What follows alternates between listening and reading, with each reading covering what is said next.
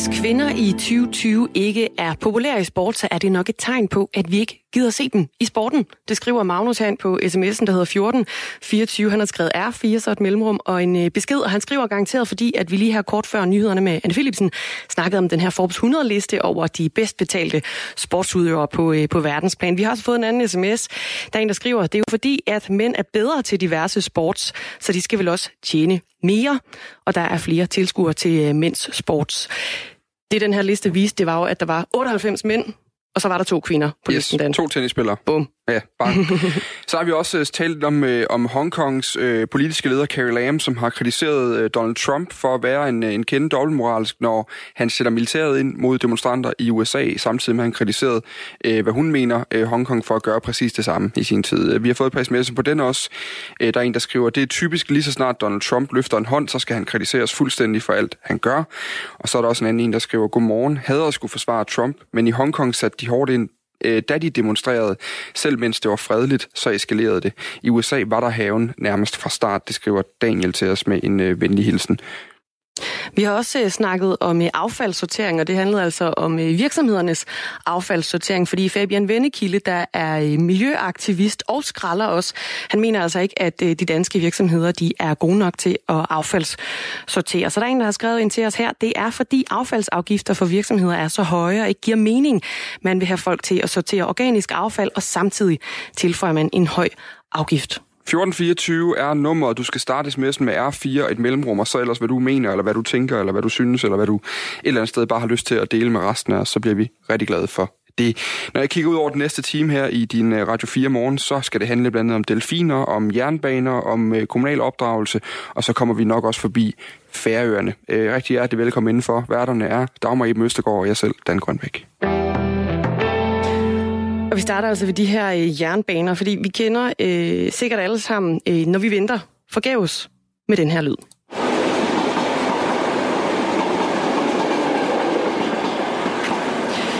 Vi venter på øh, et tog, der ruller ind på øh, perronen, men det kommer altså øh, ikke til tiden, eller også så kører det måske endda slet ikke. Og det er der faktisk en øh, god grund til, ifølge Transportministeriet, der har lavet et øh, såkaldt service-eftersyn af den danske jernbane. Og konklusionen, den er altså ikke videre opmuntrende. Jernbanen i Danmark fremstår i dag nedslidt, umoderne og udfordret lyder det. Ifølge Transportministeriet står det faktisk så slemt til, at der i dag altså ikke er et attraktivt, moderne togtilbud i Danmark, som, øh, som kan konkurrere med, med bilen. Har du måske nogle erfaringer med det, så kan du også smide dem ind på, øh, på 1424, skriv R4, et mellemrum, og så øh, naturligvis din besked. Så hvordan i verden er det øh, egentlig gået så galt for den her danske jernbane? Det kan vi jo øh, passende spørge, om øh, du kan hjælpe os med at svare på. Henrik Friis, godmorgen. Godmorgen. Du er branchedirektør for Dansk Infrastruktur hos Dansk Byggeri, og det er altså jer, der bygger jernbanen, og derfor så har I jo selvfølgelig også, kan man sige, en stor interesse i, at den bliver en succes, må man antage. Det, det kan man roligt sige. kan du ikke lige prøve at starte med, bare kort, give et eksempel på, hvor det er aller værst at være togpendler henne i dagens Danmark i dag? Hvis jeg skulle pege på et område, så ville jeg nok øh, pege på Næstved og Vordingborg, altså det sydlige Sjælland øh, hvor man er overladt til togbusser resten af året. Og øh, den strækning, der er lukket øh, mellem Ringsted og Næstved, der var det jo så meningen, at pendlerne i stedet for at skulle kunne tage over Køge, det der hedder Lille Syd, og så videre til København, hvis man skal ind til København, og det er der rigtig mange, der skal øh, i det sydlige Sjælland. Men den banestrækning er ikke blevet færdig. Øh, der skulle have været et nyt togsystem klar sidste år, sådan at pendlerne kunne have brugt den korridor i stedet for via Ringsted, mm. men den er foreløbig forsinket fire år. Så nu er det rigtig surt øh, at være pendler, hvis man bor i det sydlige Sjælland, fordi den ene strækning, den er lukket af sporarbejde, som er blevet tre måneder forlænget, og den anden strækning er ikke blevet færdig til tiden. Så det kommer måske ikke helt som en overraskelse for dig, at, at Transportministeriet nu også selv har fastslået, at dansk togdrift, det er altså alt andet end måske lige en, en direkte succes blandt andet politikerne på øh, Christiansborg, blandt dem der er der stor debat om dels, hvad der er sket med alle de her penge, som kan man sige allerede er investeret i, i jernbanen, og dels hvor mange flere penge jernbanen og togdriften kræver. Henrik Fris, du mener ikke, at det største problem det er penge, men at jernbanen de sidste 10 år har været et prøvelaboratorium for store sådan IT-projekter, som Bane Danmark er, er snublet rundt i. Hvad mener du med det? Jeg mener faktisk ikke, det er så slemt, som man gør det til i service eftersynet. Man kan løse problemerne, hvis der er vilje til det. Øh, for 10 år siden, der sagde man, at her i 2020, der skulle vi bare have en jernbane, som var en af de bedste i Europa. Og man havde meget flotte ambitioner, og man ville indføre for første, den første, som det første land i hele Europa, skulle vi have digitaliserede øh, signaler. Og de skulle være færdige for to år siden på S-banen, og så skulle være helt færdige til næste år på samtlige strækninger. Og samtidig skulle vi faktisk også have elektrificeret færdigt i år til Aarhus. Hvis vi så kigger, nu er der jo gået 10 år siden, man havde den ambition, og man satte en masse milliarder af til det, så er man altså kommet 7% øh, af strækningerne med de nye digitale signaler. Man er kommet lidt længere med S-banen, og man har slet ikke fået elektrificeret så meget. Og det, der er gået galt, det er forsinkelser i de digitale signalsystem, som forløbet er 9 år forsinket. Altså, nu regner man med at være færdig i 2030. Og det er der, synderen ligger. Fordi de forsinkelser, de har forplantet sig videre til elektrificering, som man ikke har fået elektrificeret, fordi først skulle man have de nye signaler, som det første land i Europa, og så skulle man have elektrificeret. Og samtidig så har man heller ikke fået hastighedsopgraderet, så togene kører hurtigere. Så det har så at sige sat en bremseklods for udviklingen på jernbanen, så vi kunne få et rigtig godt produkt. Og det er et stort problem. Så det, det handler altså om, at der er forsinkelser på grund af de her øh, digitaliseringen af de her togsignaler, og det udskyder så nogle andre projekter, for eksempel det her med hurtigere elektriske tog, der bliver udskudt og, og, og forsinket på grund af det. Men giver det ikke mening, at man investerer i det her med togsignalerne, altså at den bliver moderniseret? Kan man, det kan man vel ikke bare droppe nu? Det er jo rigtig vigtigt, at man får øh, nye digitale signaler. Øh, men vi må bare se, at ligesom andre steder, som politiet, øh, øh, skattevæsenet ikke mindst, øh, arbejdsmarkedet, sundhedsvæsenet, så har man jo også der forsøgt med store forkromede IT-løsninger, som enten er kuldsejlet eller blevet ganske forsinket med store milliardomkostninger til følge. Og vi ser det samme på jernbanen. Og det er rigtig godt, at man har store ambitioner, men vi så gerne, at man ventede til, det var helt udviklet, så for eksempel Sverige eller Tyskland havde indført de her signaler, øh, som er smarte øh, og kan give gode fordele. Så det er afprøvet, når vi køber produktet. For det vi har gjort, det er, at vi har købt et produkt, der ikke er færdigudviklet. Og så udvikler man det løbende, og mm. så kommer der forsinkelser. Vi, vi er jo mange togpendlere, som, øh, som bare er ude efter en løsning på det her. Altså, når vi er ude i sådan lidt en, en midlertidig løsning, som du er inde på her, altså ligesom sætte noget på, på, på pause på en eller anden måde, er vi så ikke tilbage på, øh, på politikernes øh, pengedebat øh, og deres pengespor, fordi det vil kræve øh, ekstra udgifter? Det kan man godt sige, men altså indtil videre har vi jo brugt 10 milliarder på øh, at komme et lille stykke af vejen med de digitaliserede øh, signaler. Øh, og øh, problemet er jo, at, at jernbanen bløder passagerer. Det er et kæmpe problem. Og hvis vi skal have vendt det udvikling, så er man nødt til at investere øh, i at få lavet, kan man sige, en plan B, øh, som skal gå ud på, at vi hurtigere får elektrificeret. Nu skal jeg ikke være teknisk, men det kræver noget immunisering. Det har ikke noget med corona at gøre, men det handler om at beskytte de gamle signaler, dem vi kender, der står langs øh, siden af banen, så de kan tåle højspændinger fra, fra elledningerne, og det er ikke noget, der er svært, for det er gammel teknologi, men faktisk, der er velafprøvet i hele Europa. Så hvis man vil, så kan man sagtens gå ind og løse problemerne, og for eksempel sætte sig et mål om, at vi skal have eldrift til Aarhus mm. om 2-3 år, og ikke 27. Fordi får vi elektrificeret, får vi øh, skal vi sige, levetidsforlænget vores eksisterende signaler, som kan lade sig gøre, så kan vi også godt få jernbanen til at køre bedre. Lige til sidst øh, her nu, og det vi lige har, har, har lidt tid tilbage, øh, lige for øh, sekunder, vi taler om her nu, men transportminister Benny Engelbrecht, han har sagt til Jyllandsposten, at han tror på, at den danske jernbane vil være, citat, i en helt anden liga ved slutningen af dette årti, men han, øh, han tør ikke garantere noget. Hvad tror du, Henrik Friis? Ja, men det sagde man også for 10 år siden. Og, og jeg er glad for, at, at ministeren er optimistisk, men vi kan heller ikke vente 10 år. Vi ved ikke, om det vil lykkes om 10 år, men vi kan heller ikke vente 10 år. Skal man have vendt udviklingen, så har man 2-3 år, og det er nu, det skal gøres, fordi ellers går store dele af jernbanen tabt. Vi vil rigtig gerne høre øh, fra dig derude, der sidder øh, bag øh, højtalerne og lytter med i radioen lige nu. Hvordan er dine oplevelser af, af situationen ude på jernbanerne i øjeblikket? Altså, hvad er din erfaring med togdriften? Skriv ind til os på 1424. Start sms'en med R4.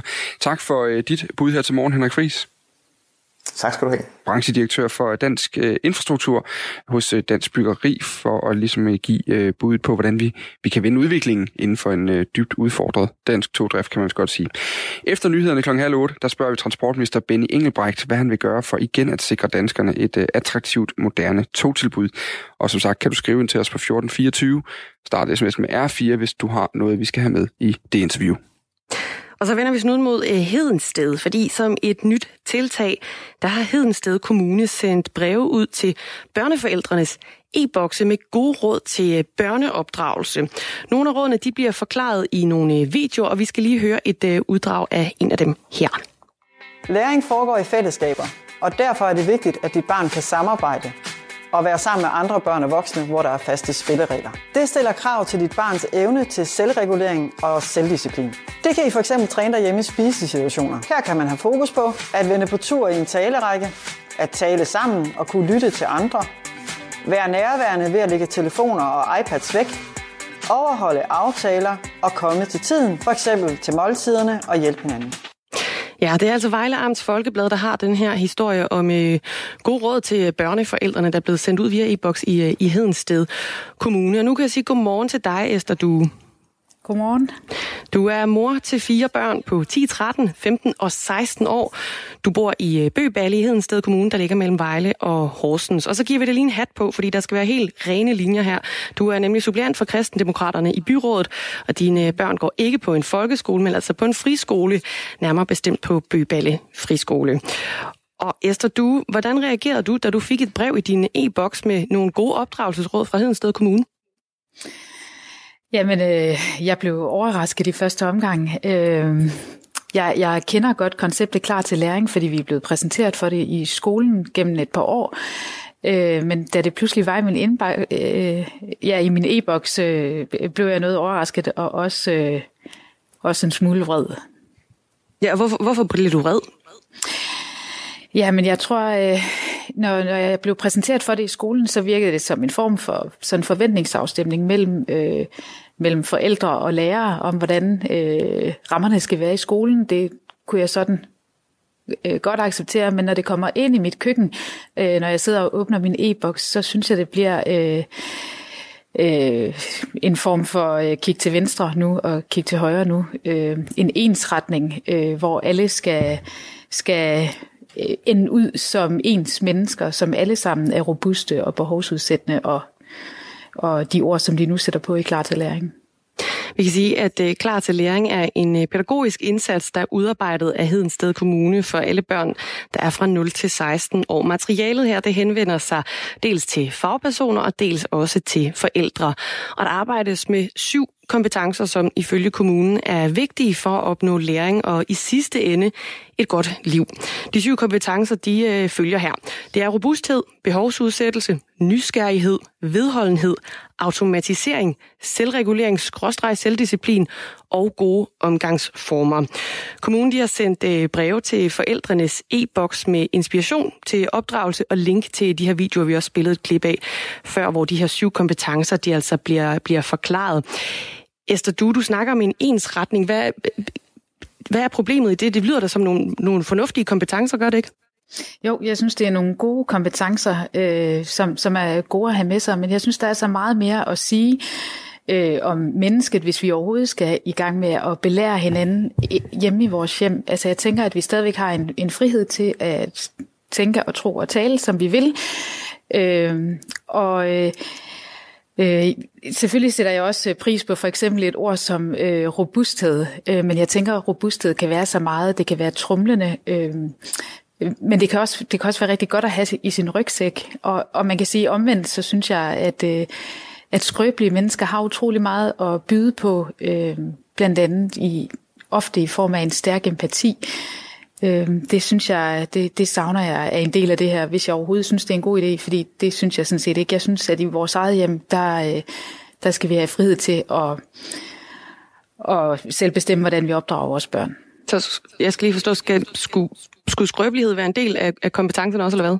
Øh, det, det synes jeg, det kunne være. Jeg synes i hvert fald, det er fuldstændig umuligt, at der står et ord som robusthed alene.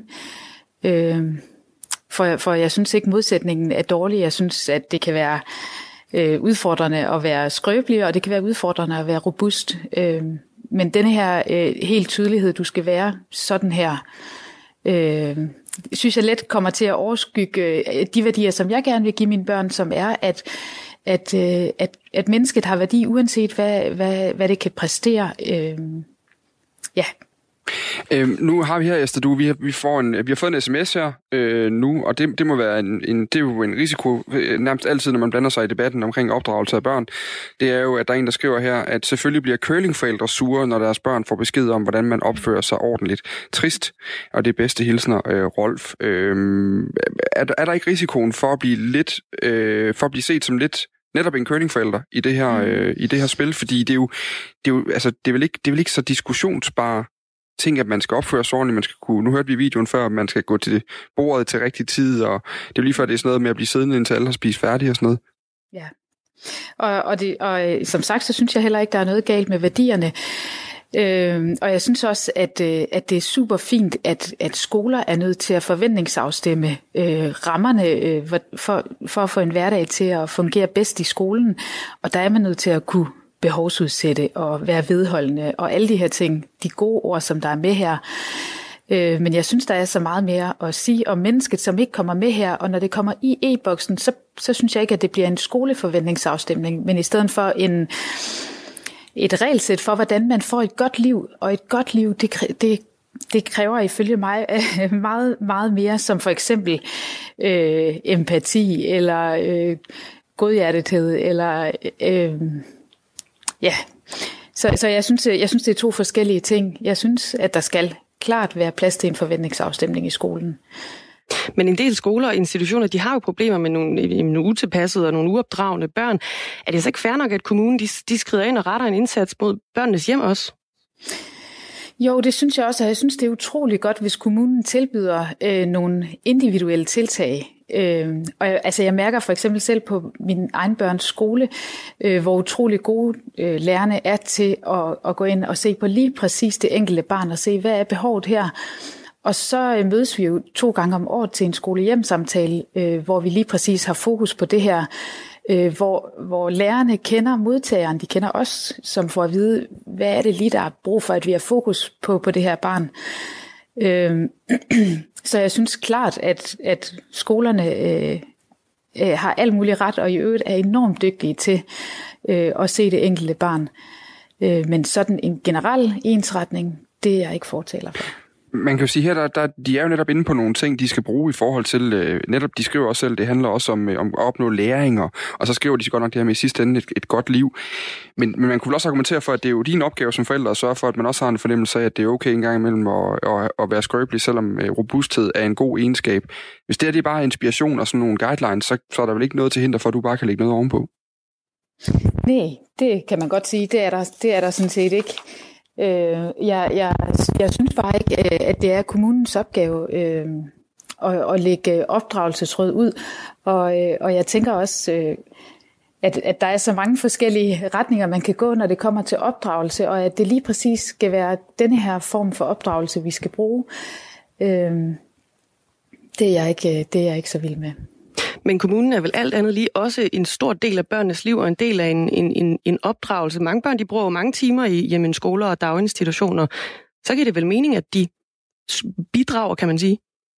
Ingen tvivl om det, og jeg synes, at det er så utrolig vigtigt, at der er et godt samarbejde mellem skole og hjem. Øh, men jeg synes, at det skal være individuelt, og jeg, og jeg synes, at kommunerne skal have fokus på at være rigtig meget der, hvor behovet er.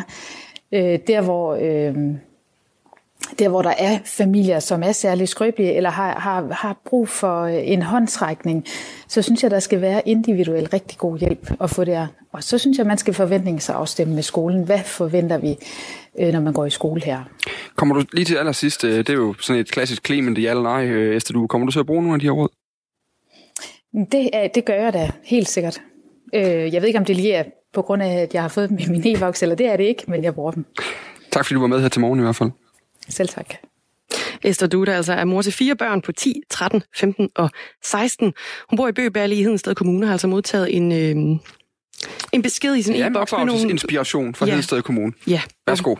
Her er det for dine skattepenge.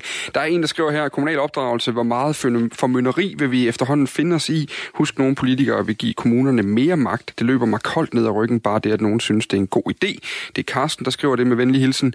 Og så er der Jens Bernburg, der skriver, med tanke på de udfordringer, lærere og pædagoger i dag står med, når lille Bjelke Andreas og øh, Lucy Sylfide kommer med rygsækken fuld med stjernestøv fra spældmoren og kørningfamilien, så synes jeg, det er helt på sin plads, at skolen stikker en venlig anmodning ud. Deltag i debatten, det kan du gøre på sms'en 1424, start sms'en med R4.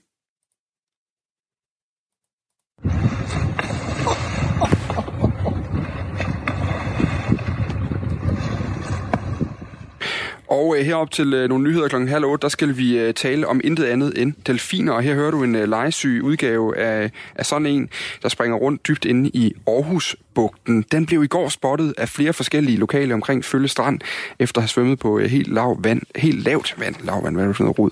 Godmorgen, Karl Kinse.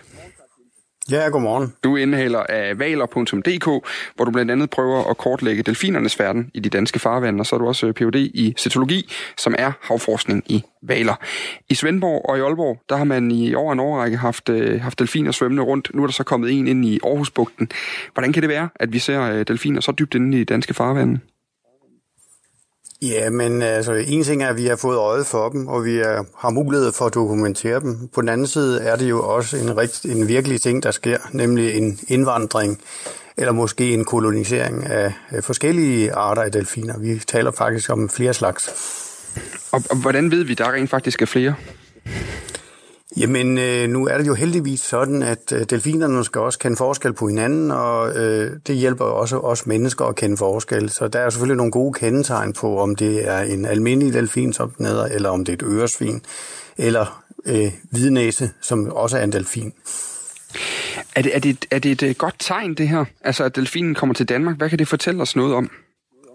Jamen det gode er jo, at det er en fin øh, naturoplevelse. Det er jo ikke noget, man forventer i danske farvande. Man regner jo med, at man skal drage længere mod syd. Øh, nu med coronakrisen, så kan vi måske ikke komme længere mod syd, men nu er delfinerne så kommet til os. Øh, det, det kan man sige, det er den gode øh, side af den. Øh, Den måske lidt eftertænksomme side af sagen, det er, at det kunne have noget at gøre med de klimaforandringer, som alle taler om, og øh, det er der noget, der tyder på her.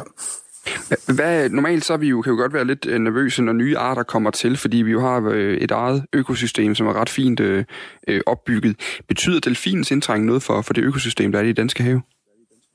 Det kommer lidt an på, hvor mange der kommer, men, men nu lige med, med både almindelige delfiner og øresvin, som jeg nævnte, de, de er jo været, øh, altså de er begge sådan efterhånden kommet hertil i flertal, og det er så er det jo spørgsmålet, hvornår de bliver så mange, at de virkelig kommer til at, at påvirke vores øh, miljø. Vi ved, at øresvinet det er sådan en stor øh, delfin faktisk, som de fleste nok kender fra delfinarierne, men, men de øresvin, især hannerne, som vi ved, øh, de slår marsvinunger ihjel, så, så det er ikke helt fredeligt, det her. Og vi kan sige, at der findes mere end øh, 35 delfinarter i, i verden. Heraf er de øh, tre delfinarter mere eller mindre øh, hyppigt øh, besøgende i de danske farvande. Det er den almindelige delfin, som siden årtusindskiftet i danske farvande øh, er blevet spottet øh, flere gange. Øh, de er blevet mere almindelige, som navnet også antyder. Så er der øresvinet, som er den mest kendte delfinart af dem alle, højst sandsynligt, fordi den er øh, fan af mennesker, og så er den meget lærenem derudover. Og så er der hvidnæsen, som er den mest... Øh, øh, egentlig den mest øh, almindelige delfinart i Danmark, hvis man ser bort fra marsvinet. Vi har blandt andet en øh, ynglende bestand af den i, øh, i Nordsøen. Øhm, nu skal jeg lige have, have klarlagt endeligt. Ved vi præcis, vi, vi ved ikke nu, eller hvad, øh, hvad det er for en delfin, der er svømmet op i Aarhusbugten? Jo, det er, det er den, der hedder almindelig delfin. Det var den almindelige den, den har jo, det, Ja, den er jo oversat fra common dolphin på engelsk. Så. Men øh, ja, som du selv siger ganske rigtigt, den er ved at blive mere almindelig, så mm. måske fortjener den snart sit navn. Så. Det er sådan, det er blevet en selvopfyldende profeti med det navn der. Øhm, Ja. Til sidst, så har vi en delfin, der er nede i Svendborg Sund. Den har jo egentlig fået et navn. Altså, de kalder den øh, Delle dernede. Øh, og vi prøver egentlig, jeg kunne godt tænke os, at lige prøve at se, om vi kan give den nytilkommende øh, delfin i Aarhusbugten sit eget navn. Har du, et, øh, har du et bud på sådan noget, Karl Kinse? Jamen, øh, hvorfor ikke kalde den følge? Det vil jo sådan rime en lille smule på delle. Ja, og følge strand, der, det kan måske et eller andet, det der.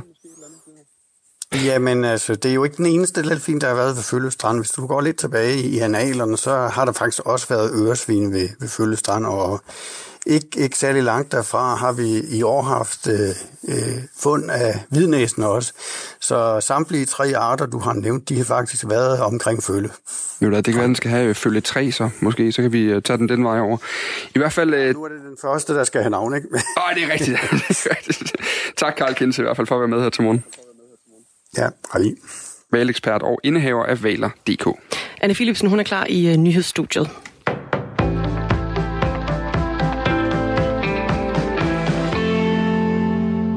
Statsadvokaten for særlig økonomisk kriminalitet efterforsker lige nu 34 sager om mulig svindel for knap 16 millioner kroner i relation til hjælpepakkerne. Men der er flere fagforbund, der fortæller om ansatte i virksomheder, der har fået lønkompensation under coronakrisen, som frygter at miste deres job, hvis de anmelder snyd med de her coronahjælpepakker. Det skriver politikken i dag. Et af dem er Teknisk Landsforbund. De repræsenterer ansatte inden for blandt andet bygge- og teknikbranchen.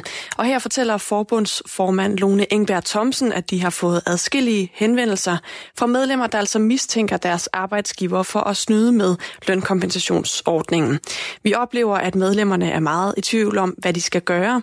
De er bange for konsekvenserne for dem selv og kollegerne, hvis de angiver deres arbejdsplads, siger Lone Engberg Thomsen. Det samme har man oplevet hos, oplevet hos Prosa, der repræsenterer IT-ansatte. I morgen der skal Folketinget hastebehandle et lovforslag om en whistleblower-ordning, sådan så man kan melde en sag anonymt. Og erhvervsminister Simon Koldrup har stillet et ændringsforslag til lovforslaget her, som skal gøre, at ansatte, der beretter om snyd med hjælpepakkerne, de har ret til godtgørelse, hvis deres mistanke den viser sig at være sand. De danske unge har drukket mindre alkohol, end de plejer, siden det danske samfund blev lukket ned for at bremse coronasmitten. Det viser en ny undersøgelse fra Statens Institut for Folkesundhed. Her svarer 60 procent, at de har drukket mindre eller meget mindre alkohol end sædvanligt, mens hver tredje unge ikke har drukket alkohol under krisen. Og forklaringen den skal findes i det forsamlingsforbud, som er blevet indført for at bremse smitten. Det fortæller professor Jane Tolstrup, der står bag den her undersøgelse de begivenheder, hvor, øh, hvor de plejer at drikke alkohol, altså fester, samvær med, øh, med vennerne, fredagsbar osv., så dem har jo ikke været nogen af. Og så når man tager ligesom årsagen til at drikke, kan man sige væk, så drikker de Og det vi også ved om den måde, som unge drikker på, det er, at det er ikke det der med at sidde et glas vin og, øh, og hygge sig, som, som egentlig interesserer dem så meget. Det er mere det der med, øh, med virkningen af alkohol, altså det at blive beruset, og så er det det at gøre det sammen med nogen. Men Janne Tolstrup vurderer ikke, at det her lavere alkoholforbrug det kommer til at vare ved på den anden side af coronakrisen til det bedste af, hvad vi ved om menneskelig adfærd, så holder sådan en stop her desværre, kan man sige, ikke ved. Altså lynhurtigt, når dagligdagen vender tilbage til de vante rammer, så gør folks vaner det også. Så vi har bestemt grund til at tro, at de alkoholvaner, som danske unge har, når det bliver en almindelig hverdag igen, så kommer de også tilbage. Og det er 12.000 unge i alderen 15 til 20 år, der har deltaget i den her undersøgelse. Forskere i USA forventer en form for coronavaccine inden udgangen af i år. Det siger Wendy Sammons Jackson, der er leder af det amerikanske militærs afdeling for forskning i smitsomme sygdomme. Det vil være rimeligt at forvente, at der vil være en form for coronavaccine, der kan være tilgængelig for nogen inden udgangen af året, siger hun i en pressemeddelelse. Den 15. maj lovede USA's forsvarsminister Mark Esper, at det amerikanske militær i samarbejde med dele af regeringen og den private sektor kunne producere en vaccine i et omfang, der ville kunne behandle amerikanske corona coronapatienter inden udgangen af i år. Lad os tage et kig på dagens vejr. Det starter med nogen eller en del sol, men her i løbet af dagen, så især i Jylland, vil det blive skyet med byer, som også kan gå hen og være med torden. Men også ganske lune temperaturer igen, igen i dag, mellem 18 og 23 grader. Lidt køligere ved kyster, der har pålandsvind, og så en svag til frisk vind.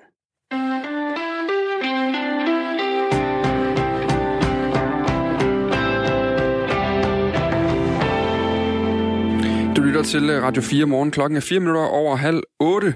Og øh, i studiet i dag er Dagmar Eben Østergaard og jeg selv, Dan Grønbæk. Så skal det igen nu handle om, hvordan det egentlig går med togdriften i Danmark, fordi Transportministeriet kan nu bekræfte det, øh, som mange danske pendlere allerede øh, ved, eller i hvert fald har haft en mistanke om, nemlig, om, nemlig at det ikke går øh, særlig godt med togdriften derude. Ifølge en rapport fra ministeriet, så er den danske jernbane, citat, nedslidt, umoderne og udfordret, og derfor taber Danmark togpassagerer, mens andre europæiske lande som Sverige og England oplever en stigning i de togrejsende.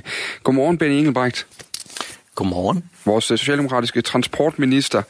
Der er blevet brugt 132 milliarder kroner siden 2009 på den danske jernbane. Alligevel så konkluderer dit eget ministerium, at der i dag ikke er, citat, et attraktivt moderne togtilbud, som kan konkurrere med bilen. Hvad er der gået galt?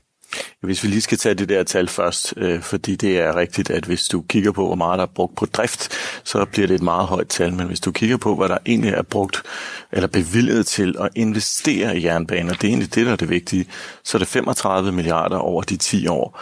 Øh, og det, der så er lidt skræmmende, det er, at af de 35 milliarder, der er der faktisk kun brugt lidt over 28 milliarder.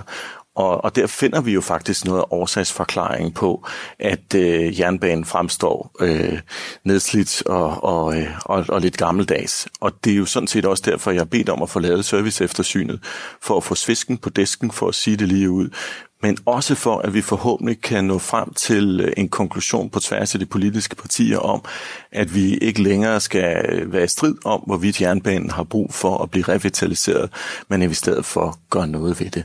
Så vi skal begrave øh, stridsøksen med andre ord. Men, men altså, der er stadig brugt 28 milliarder på, øh, på renoveringer, så det kan godt være, der er sat øh, 35 af til det. Altså, hvad er det, hvad er det der er gået galt der så? Fristes man nu til at spørge. Ja, det der er gået galt er jo blandt andet et signalsystem, som er blevet syv år forsinket, og, øh, og som har forsinket andre øh, projekter også. I virkeligheden så skulle vi jo gerne have nogle helt sprit nye elektriske tog ud og køre øh, så hurtigt som overhovedet muligt på vores, øh, på vores jernbaner. Jeg, jeg har ikke noget imod IC3-togene, fordi de er faktisk øh, velfungerende, men de er også gamle og bedagede, og kommer man for eksempel som, som dårlig gående, eller måske som kørestolsbruger, og skal op i et IC3-tog, ja, så er det faktisk svært at komme ind, fordi der jo ikke er niveaufri indgang. Øh, vi har brug for nogle nye tog, øh, men de nye tog, de skal køre på, øh, på eldrift, øh, og vi mangler at få elektrificeret store dele af jernbanen i Jylland. Og grunden til, at vi ikke har fået elektrificeret det endnu, det er, at vi ikke har fået fuldt udrullet det digitale signalsystem. Øh, så tingene hænger mm. altså med andre ord sammen. Og derfor så skal vi i mål med de store projekter, og, derfor håber jeg sådan set også, at Folketingets partier, og det kan jeg lidt fornemme også i dagens Jyllandsposten, øh, at de politiske partier også er indstillet på, at, øh, at nu skal vi faktisk se at sikre, at de mange projekter, vi så har besluttet, de også bliver gennemført. Men har man, har man prioriteret korrekt, hvis der dog alligevel trods alt er brugt 28 milliarder på renoveringer undervejs og på, øh, på vedligeholdelse af vores øh, togbaner, og den i dag står så dårligt, at det er bedre at tage bilen. Er der så blevet prioriteret korrekt politisk? Det, det, det korte svar er jo, at, øh, at øh, jernbanen har fået en stedmoderlig behandling igennem årtier. Det handler ikke kun om, hvad der er sket i de sidste, øh, de forgangne fire år, hvor der har været en blå regering. Det handler om øh, årtiers øh, øh nedprioritering, som skal rettes op på. Og selvom der det er besluttet, at øh, øh, også relativt bredt, at der skulle øh, tilføres yderligere ressourcer, ja, så har der jo desværre også været konflikter, hvor der har været diskussioner om, hvorvidt pengene nu skal gå til veje eller til, til jernbanen. Øh, vi skal investere i både vejene og jernbanen. Vi skal sikre, at alle dele af vores trafik hænger sammen, øh, uanset om man øh, så har brug for at tage toget, at tage bussen, mm. øh, køre i bil eller tage cyklen, så skal vi sikre, at, øh, at tingene hænger sammen. Og og, øh, og, og jernbanen er det område i Danmark, hvor vi har det største potentiale i at få folk til at, øh, at vælge en grøn transportform, øh, men hvor vi samtidig også er mest udfordret. Det skal vi bare stå ved. Øh, nu talte vi tidligere på morgen øh, med øh, Henrik Fris. Han er branchedirektør hos Dansk Byggeri for Dansk Infrastruktur, og han siger til os her til morgen, at det simpelthen ikke nytter noget bare at håbe på, at det lykkedes Banen Danmark at digitalisere togsignalerne. Et projekt, som, som indtil videre er, er, er mange år forsinket. Han siger, at hvis man vil give danskerne en bedre og hurtigere togdrift, så er det vigtigste at få indsat nogle elektriske tog, og at det kan gøres med midlertidige løsninger, så man ikke behøver at vente på digitale signaler. Hvad siger du til den idé, Ben Engelbrecht? Altså at få en moderne dansk togdrift hurtigere på skinnerne ved at skyde genvej udenom det her store digitaliseringsprojekt? Ja, desværre er det sådan, at lige præcis nogle af de genvarer, der allerede er forsøgt skudt der øh, med nogle af de traditionelle systemer, har vist sig at blive øh, også meget, meget stærkt forsinket. Det vil, og, og det skyldes øh, det ganske enkle, at øh, de signalsystemer, som vi arbejder med, er ganske gamle. Og skal man ind og arbejde i et system, der måske er bygget i 1950'erne, altså længe før digitaliseringen fandt sted, øh, og, og man skal lave det, man kalder en immunisering, altså sørge for, at når der kommer en køreledning hen over øh, de her signalsystemer, at de så ikke bryder sammen på grund af, af den øh, strøm, som kører igennem. Når man skal gøre det, så er der altså en risiko for, at, øh, at det gamle kram, som, som er derude af de her, øh, de her systemer, at de bryder helt sammen. Mm. Øh, fordi, fordi noget af det er simpelthen elendigt dokumenteret. Og der må man bare sige, at vores leverandører på jernbanen, altså de private operatører, der leverer de services, øh, at de er desværre heller ikke altid så gode, som vi godt kunne ønske os. Øh, og derfor er det her jo sådan set et ansvar, som, øh, som vi bør stå ved i fællesskab. Og, øh, og det positive, som er kommet ud af det service eftersyn, som, som nu ligger, og som er håbløst ærligt, det er faktisk, at vi, at vi også får konstateret, at vi er faktisk der, Øh, at, øh, at nu er der nogle af de ting, som handler om det digitale signalsystem, der lykkes.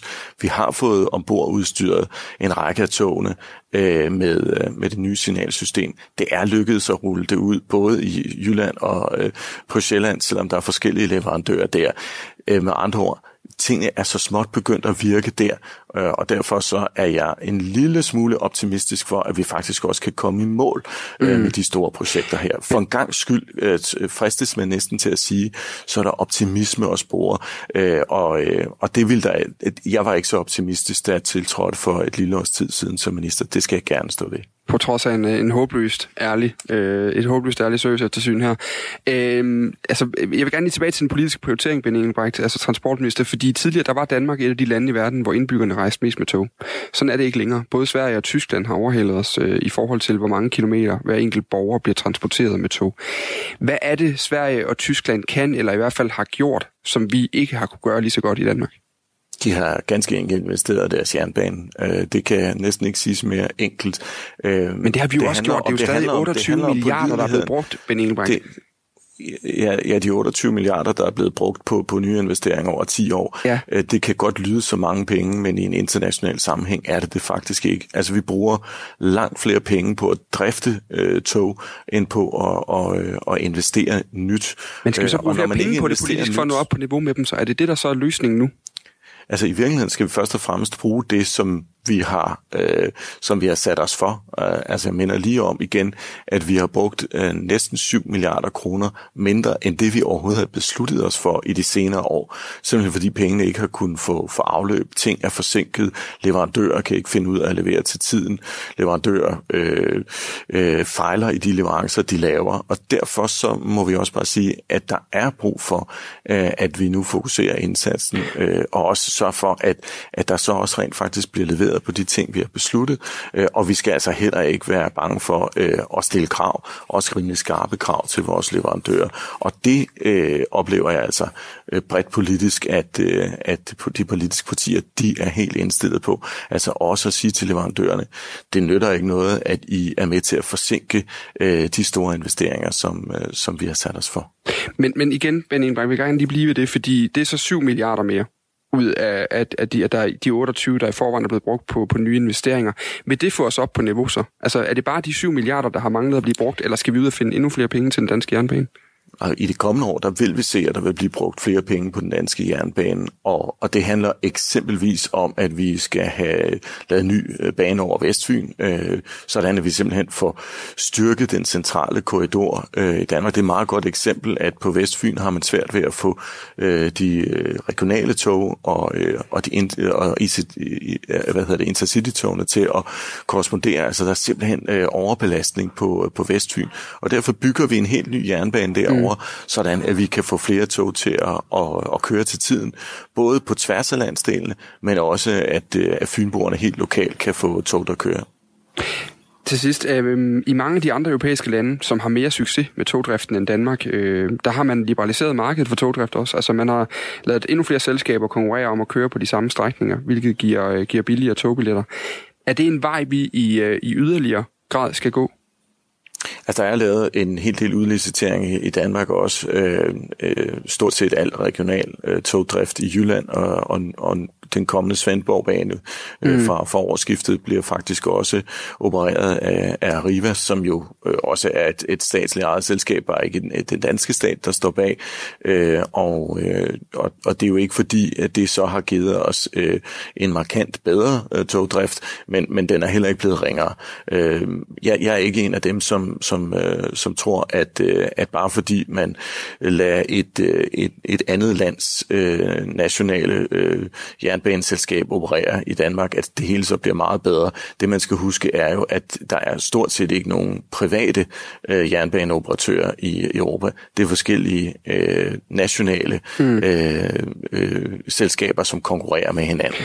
Øh, og, og derfor så, så, så tror jeg mere på, at vi øh, først og fremmest får, får øh, sat det her sted moderlig behandling af jernbanen til side, for begravet stridsøksen, den har, der, den har været rigtig meget i gang, for lavet brede aftaler, og så ellers få, få skabt konsensus om, at selvfølgelig skal jernbanen styrkes. Til allersidst, Benjamin Brink, inden vi slipper dig, så du kan få lov at komme videre i din arbejdsdag, så, øh, så vil jeg lige stille spørgsmål fra en lytter. Øh, det er Jan, der skriver han til os. Øh, til togdebatten skriver han, så er nye smarte tog ikke årsagen til, at tog er godt i for eksempel Tyskland, men stordrift, hyppige afgange og stabil drift. Har, har vi for meget fokus på investeringer og for lidt fokus på netop bare at sørge for, at driften kører rigtig godt? Ej, jeg er faktisk fuldstændig enig i, at det er driften, som er det altafgørende. Øh, men en af udfordringerne er selvfølgelig så også, at skal vi have en stabil drift, så kræver det også, at de tog, der kører rundt derude, øh, også øh, eksempelvis øh, er elektriske. Øh, og hvis man øh, kigger på de C3-tog, det er et smukt tog. Jeg, jeg synes virkelig, de, de er flotte, men de er også bedaget. Det er et mirakel, at vi har holdt dem kørende så længe, og de er dieseldrevne, og det er ikke den grønne fremtid. Så skal vi ud og, og have nye tog, og det skal vi, så skal det selvfølgelig være standardmateriel. Blandt andet noget af det standardmateriel, der også kører rundt i Tyskland allerede. Mm. Det vil være det, som bliver fremtidens tog i Danmark også. Tak fordi øh, du var med her til morgen, Ben Engelbrecht. Ja, selv tak transportminister for Socialdemokratiet. Vi har en, der skriver ind til os her, at transportministeren er optimistisk angående togdriften. Det er sgu da kun, fordi han sidder i regeringen. Han været i opposition, havde han ikke været optimistisk. Med venlig hilsen, Ulrik Lemmeker. Det kan der være noget om, fordi Venstres transportordfører Christian Pihl Lorentzen, han er en af dem, der kraftigt kritiserer udviklingen i den danske jernbane. Han har sågar øh, stillet spørgsmålstegn ved, om vi bare hælder pengene ned i et sort hul over de sidste øh, 10 år. I næste time, der spørger vi ham om, hvilke idéer han har til at få øh, togdriften tilbage på sporet. Og øh, som et nyt tiltag, der har Hedensted Kommune sendt brev ud til børneforældres e-bokse med gode råd til børneopdragelse. Det skriver Vejle Amts Folkeblad. Og de gode råd, de lyder robusthed, behovsudsættelse, nysgerrighed, vedholdenhed, automatisering, selvregulering eller selvdisciplin og god omgangsform. Det er øh, fuldstændig basal del af en børneopdragelse, kan jeg sige, som øh, en far, der lige på tiden er i gang med at prøve at finde ud af, hvordan del man gør sådan noget. Sagt fra en, øh, en kender. Tidligere på morgen, der talte vi også med en kender. Det er mor til fire, Esther Due. Hun fortalte altså, hun blev provokeret af det her brev fra kommunen, der nævnte de her, øh, hvad kan vi kalde dem... Øh, personlighedsegenskaber eller værdier. værdier, ja, sådan noget der. Ikke? Hun mener altså, at kommunen skal blande sig uden om hendes børns opdragelse i hvert fald. Du kan også lige byde ind på den her. Synes du, det er en god idé, at kommuner de sender gode opdragelsesråd til, til børneforældre? Er du måske selv børneforældre derude, og øh, hvad vil du sige til at få sådan en besked her på din øh, e-boks? Du kan sende din mening ind til 1424. Så skriver du et R4, så et mellemrum og din øh, besked. Nu skal vi øh, videre i øh, teksten, fordi vi skal snakke med Ole Vind. Godmorgen til dig. Godmorgen. Du er valgt i byrådet for Venstre, og du er formand for udvalget for læring i øh, Hedensted Kommune.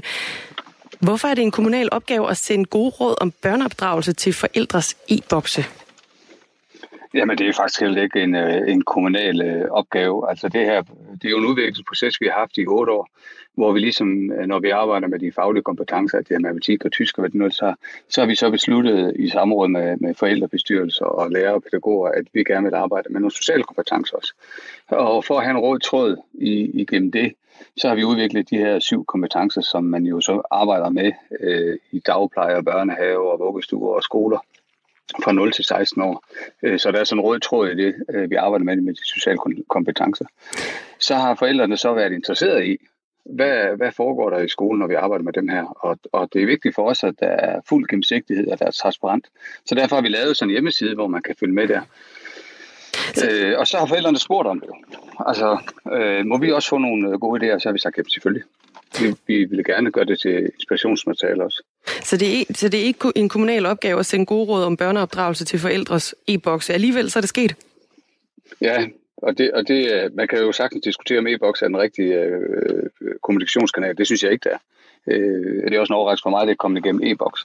Øh, men, men det vi hører det fra, fra, fra forskellige ledere er jo selvfølgelig, at mange forældre kommer hen med så kan de lige få nogle tips og sådan noget, hvor er det lige, vi kan finde det henne, og så skal de selv sende links ud. Men jeg tror måske bare, at vi skulle have brugt Aula, og så øh, lagt det ud, de links øh, til dem, der gerne vil have inspiration. Mm. Det hedder Klar til Læring, og det er altså en pædagogisk indsats, der er udarbejdet af Hedensted Kommune for alle børn fra 0 til 16 år. Og der arbejdes så med de her syv kompetencer, som øh, jamen jo ifølge kommunen er vigtige for at opnå læring og i sidste ende et godt liv. De syv kompetencer, dem nævner vi lige igen. Det er robusthed, det er behovsudsættelse, det er nysgerrighed, vedholdenhed, automatisering, selvregulering, selvdisciplin, gode omgangsformer. Og nogle af rådene de bliver så øh, forklaret i nogle øh, videoer, som vi lige hører et øh, kort uddrag af her.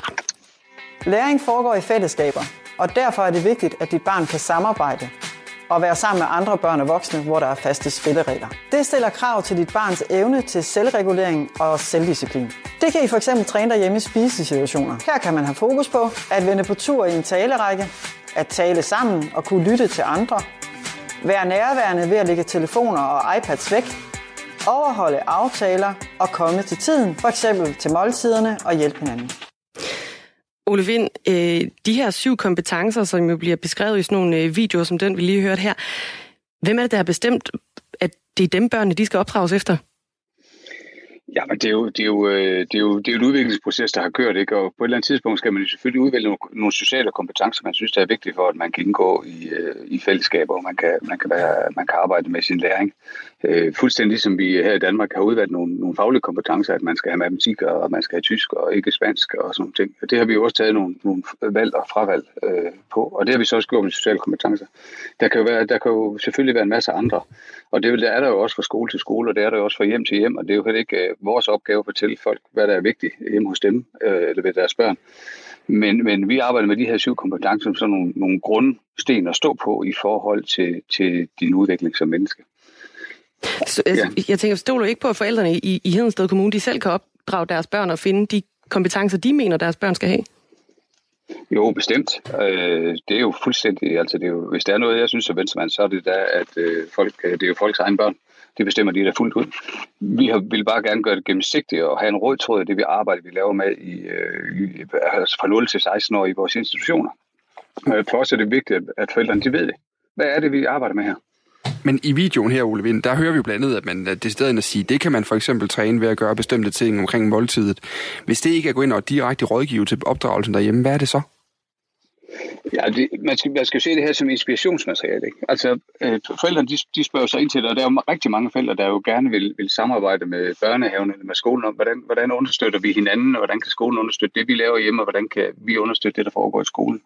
Og, og så, øh, da vi var i gang med at lave de her inspirationsmateriale til, til lærere og pædagoger, så var det jo forældrene, der kom på banen og sagde, hvad med at, lave en inspirationsmateriale til os? Selvfølgelig. Vi var jo i gang med at optage. Det betød jo ikke ret meget at gøre det ekstra. Esther du vi snakkede med tidligere på morgen, hun har øh, intet mindre end, end fire børn.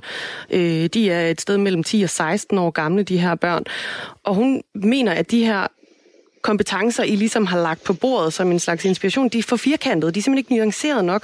Burde man ikke have udvidet den her liste på den ene eller den anden måde? Altså når, når man nu kommer med de her øh, kompetencer på bordet, kan man ikke ende med at tabe på gulvet, fordi at de simpelthen ikke øh, rammer ind i lige præcis den forældres barn? Jo, altså ligesom vi ikke har valgt spansk til, øh, men tysk øh, i Danmark. Ikke? Altså jo, altså sådan vil det jo altid være. Altså lad os prøve at tage sådan en som robusthed. Ikke? Det her det er jo en psykologisk term, der handler om at kunne rumme sine egne følelser, og, og dermed også kunne rumme andre menneskers følelser. Hvis du for eksempel møder en i sorg, så vil du også kunne rumme den, og, og, og kunne være empatisk over for den, og, og næste kærlighed og sådan noget, uden du selv vælter omkuld. Øh, og, så, og, og sådan kan man jo selvfølgelig øh, bruge det, men man skal også se dem som sådan nogle syv grundsten, og så udvikler vi jo derfra. Og, og derfor er det jo forskelligt fra menneske til menneske, hvordan man også optager det, og hvordan man arbejder med det.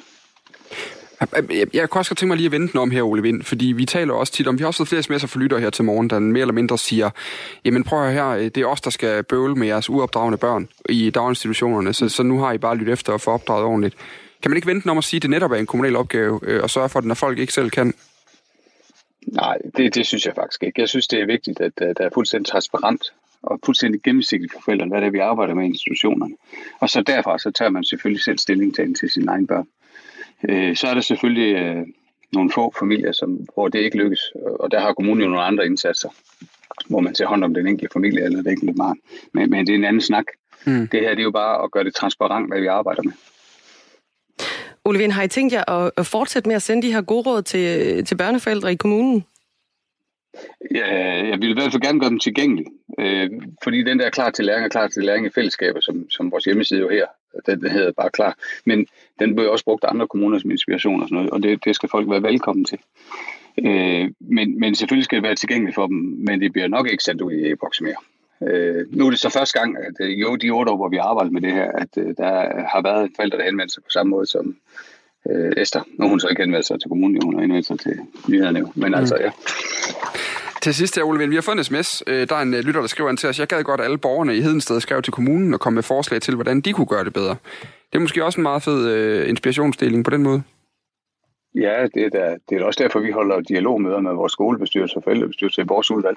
Øh, det holder vi jo tre gange om året ikke? Øh, med, med hver bestyrelse. Altså det er der for at få inspirationsmateriale til, hvad, hvad forældrene de ser det her. Mm. Så det, det synes jeg er en god idé. I hvert fald tak, fordi du øh, var med i radioen her til morgen. Lige gjorde os lidt klogere på de her ja. øh, værdier.